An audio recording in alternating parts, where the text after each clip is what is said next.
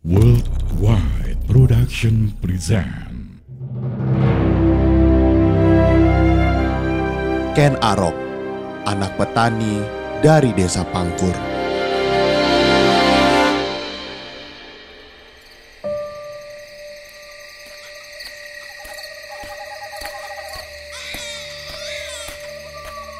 Pada suatu malam yang dingin, di desa Pangkur, sebelah timur Gunung Kawi, terlihat sesosok wanita muda menggendong bayi. Ia terlihat gelisah, menengok ke kiri, ke kanan, tindak tanduknya pun mencurigakan. Bayi yang tidak berdosa itu diletakkan di sebelah makam yang penampakannya mengerikan. Nak, maafkan ibu meninggalkanmu di tempat seperti ini. Ibu tidak sanggup merawatmu. Semoga takdir baik menyertaimu di kemudian hari. Dengan penuh kasih sayang, Ken Endok menyelimuti bayi Ken Arok yang menangis keras. Ken Endok sebenarnya tidak sampai hati meninggalkan bayi Ken Arok. Tetapi permasalahan dalam kehidupan pribadinya teramat berat. Ia sudah tidak kuat lagi. Keputusan wanita malang itu sudah bulat untuk berpisah selamanya dengan sang anak. Selamat tinggal anakku sayang.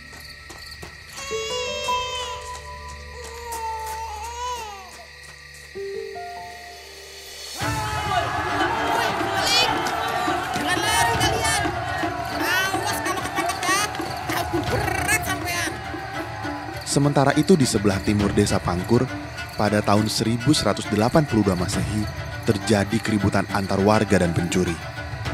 Para warga beramai-ramai mengejar gerombolan pencuri yang dipimpin oleh Lembong.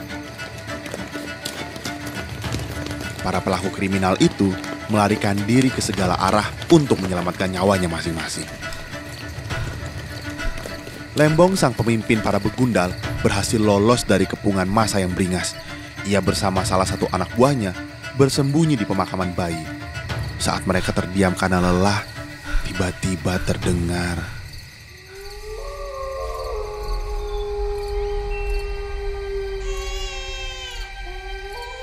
Mas, denger gak mas? Bisa diem gak sih?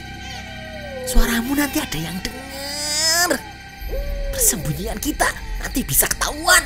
Aku merinding mas. Ini kan makam bayi. Pasti banyak hantu bayi di sini. Hantu gundulmu. suara tangis bayi itu terdengar sangat kencang. Hingga Lembong pun menyuruh anak buahnya itu untuk mencari sumber suara. Ia yakin itu bukan hantu bayi, melainkan suara bayi sungguhan. Ya, bayi manusia. Mas, memang bener. Ini anak manusia mas. Yang bilang ini anak kuntilanak tuh siapa? Udah jelas ini anak manusia. Bayi ini mau kita apain mas? Mau tak makan?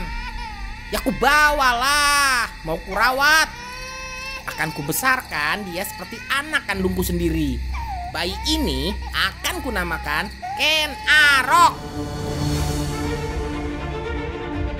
Ken Arok akhirnya tumbuh besar dan dewasa di lingkungan yang buruk. Situasi ini membentuk karakter dan wataknya menjadi seorang yang jahat. Berbagai perilaku kejahatan pernah dilakukan oleh Ken Arok. Ia mencuri, bahkan merampok. Pernah pada suatu ketika, Ken Arok mengganggu seorang anak perempuan pencari tuak. Dari hari ke hari, kejahatan Ken Arok semakin menjadi-jadi. Bersama para kawanannya, ia mengganggu dan membegal banyak orang di jalan. Maka jadilah Ken Arok sebagai ketua begal yang menakutkan.